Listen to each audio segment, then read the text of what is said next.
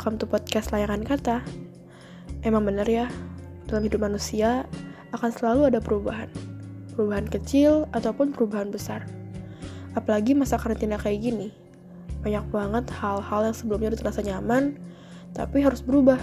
Misalnya, dulu kita nggak punya protokol kesehatan, tapi sekarang kita ada protokol kesehatan yang harus kita taati. Itu termasuk perubahan loh. Gimana kabar kalian? Apakah banyak perubahan yang harus kalian tempuh? Nah, ngomong-ngomong tentang perubahan, yuk kita bahas lebih dalam tentang perubahan sosial. Apa sih perubahan sosial itu? Perubahan sosial berarti proses modifikasi struktur sosial dan pola budaya dalam suatu masyarakat.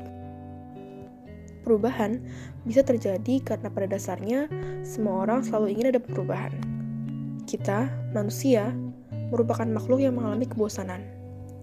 Manusia tidak pernah puas dan selalu berusaha untuk mengubah keadaan menjadi lebih baik. Secara sosiologis, perubahan biasanya selalu mengikuti suatu pola dan arah tertentu yang sudah dipelajari. Ada banyak pengertian perubahan sosial menurut para ahli. Tapi, menurut George Ritzer, perubahan sosial mengacu pada variasi hubungan antara individu, kelompok, organisasi, kultur, dan masyarakat pada waktu tertentu. Kenapa perubahan sosial dapat terjadi? Yang pertama, karena manusia menghadapi masalah-masalah baru. Adanya masalah-masalah baru pada masyarakat mengharuskan adanya pemikiran, usaha, dan peralatan baru untuk memecahkan masalah itu. Jadi, selama masyarakat itu ada, maka masalah-masalah baru akan terus ada. Yang kedua, ketergantungan pada hubungan antar warga waris kebudayaan. Dalam masyarakat, suatu kebudayaan dapat bertahan hanya karena adanya pewaris kebudayaan. Namun, tidak semua orang memiliki pandangan dan sikap yang sama tentang kebudayaannya, sehingga bisa terjadi perubahan. Dan yang terakhir, lingkungan yang terus berubah. Ada juga faktor-faktor yang mendorong terjadinya perubahan. Yang pertama, rasa tidak puas terhadap situasi yang ada sekarang. Kedua, keinginan untuk memperbaiki sesuatu. Yang ketiga, kesadaran akan kurangnya kebudayaan sendiri sehingga ingin memperbaiki kebudayaannya sekarang. Keempat, usaha masyarakat untuk menyesuaikan diri dengan keperluan dan kondisi baru yang timbul seiring dengan pertumbuhan masyarakat. Kelima, banyak kesulitan yang membuat manusia harus berusaha untuk mengatasinya. Yang keenam, sikap terbuka masyarakat terhadap hal-hal baru. Ketujuh, tingkat kebutuhan masyarakat semakin kompleks dan juga keinginan manusia untuk meningkatkan taraf hidup. Dan yang terakhir, sistem pendidikan yang memberi nilai-nilai tertentu bagi manusia. Tapi, ada juga faktor yang menghambat terjadinya perubahan sosial. Yang pertama, ada unsur yang sudah diterima oleh masyarakat secara luas. Misalnya, sistem solidaritas dan kekerabatan pada suku atau etnis tertentu yang mempunyai fungsi penting. Kedua, ada unsur yang diperoleh sejak sosialisasi sejak kecil. Misalnya, makanan pokok masyarakat Indonesia nasi.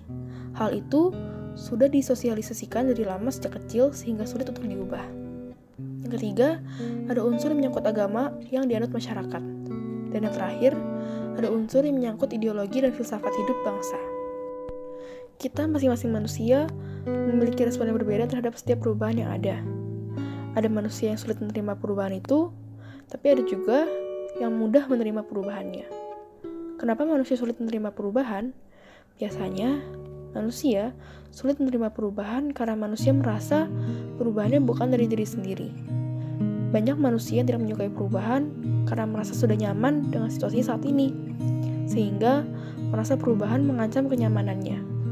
Ada banyak juga masyarakat yang memegang kepercayaan dan kebudayaan tertentu sehingga merasa suatu perubahan itu tidak sesuai dengan kebudayaannya. Mereka juga merasa bahwa situasi saat ini sudah benar sehingga mereka tidak menerima perubahan itu. Sementara itu, ada juga manusia yang mudah menerima perubahan. Hal ini disebabkan karena mereka belum puas dengan situasinya saat ini. Mereka juga mudah merasa kebosanan, sehingga bagi mereka perubahan merupakan hal yang baik mereka juga memiliki keinginan untuk mengatasi suatu masalah yang sedang mereka alami. Mereka mempunyai keinginan untuk sejalan dengan perubahan di dunia. Mereka tidak ingin tertinggal dengan perubahan di dunia, dan mereka juga ingin berubah menjadi lebih baik, sehingga mereka dapat menerima perubahan yang terjadi. Apakah kalian sudah tahu jenis-jenis perubahan sosial yang sering terjadi di lingkungan kita? Perubahan sosial dibagi ke dalam empat jenis. Yang pertama, berdasarkan waktu. Revolusi dan evolusi. Revolusi berarti perubahan yang berlangsung cepat, dan evolusi berarti perubahan yang berlangsung lambat dan melalui tahapan-tahapan sehingga lebih maju. Yang kedua, berdasarkan sudut pandang masyarakat, yaitu perubahan sosial yang dikehendaki dan yang tidak dikehendaki. Yang dikehendaki berarti sudah direncanakan, sementara yang tidak dikehendaki merupakan perubahan yang tidak direncanakan. Yang ketiga, berdasarkan arah perkembangannya, yaitu progres dan regres. Sesuai namanya, perubahan yang progres berarti perubahan yang menuju kemajuan, sementara perubahan regres berarti perubahan yang menuju kemunduran. Dan yang keempat, berdasarkan pengaruhnya. Ada perubahan sosial kecil dan perubahan sosial besar. Perubahan kecil tidak memiliki dampak besar terhadap masyarakat. Dan perubahan besar merupakan perubahan yang membawa dampak bagi masyarakat luas. Masyarakat menyikapi perubahan sosial dengan caranya masing-masing yang menurut mereka paling benar. Respon yang pertama yaitu menerima perubahannya. Mereka yang menerima perubahan akan berusaha untuk menyesuaikan diri dengan perubahan itu mereka akan berusaha untuk move on dari situasi sebelumnya untuk bisa berubah ke yang lebih baik. Tapi, ada juga orang yang tidak bisa move on, yaitu mereka yang menolak suatu perubahan. Mereka akan tetap berpegang teguh terhadap prinsip yang mereka pegang dan juga kebudayaan yang mereka pegang. Sehingga, dengan adanya perbedaan reaksi ini, maka dapat terjadi disintegrasi sosial. Dari perubahan sosial dapat menimbulkan beberapa dampak positif dan juga negatif.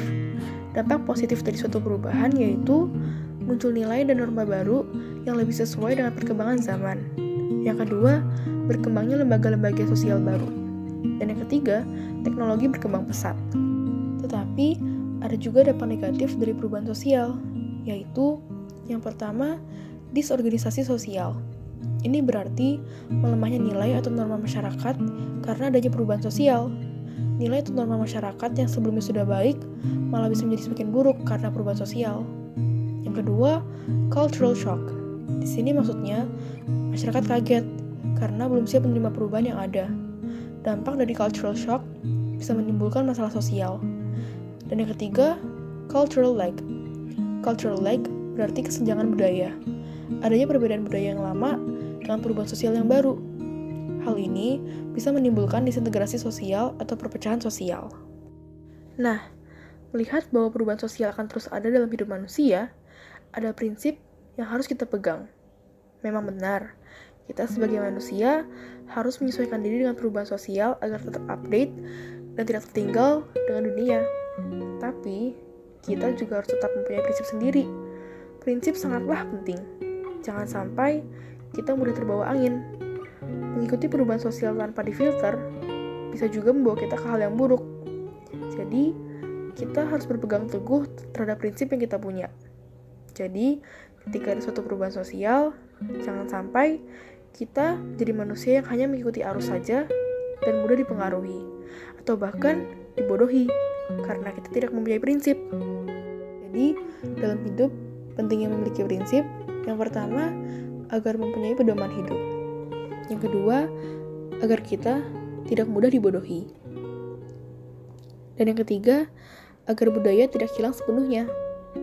Jadi, jangan takut untuk menghadapi perubahan sosial yang ada, karena hidup terus berputar. Jangan terikat pada zona nyaman, harus berani menghadapi perubahan sosial. Karena sekarang sudah mengerti tentang perubahan sosial, yuk kita pintar-pintar dalam mengikuti perubahan sosial yang ada. Terima kasih dan sampai jumpa di podcast selanjutnya.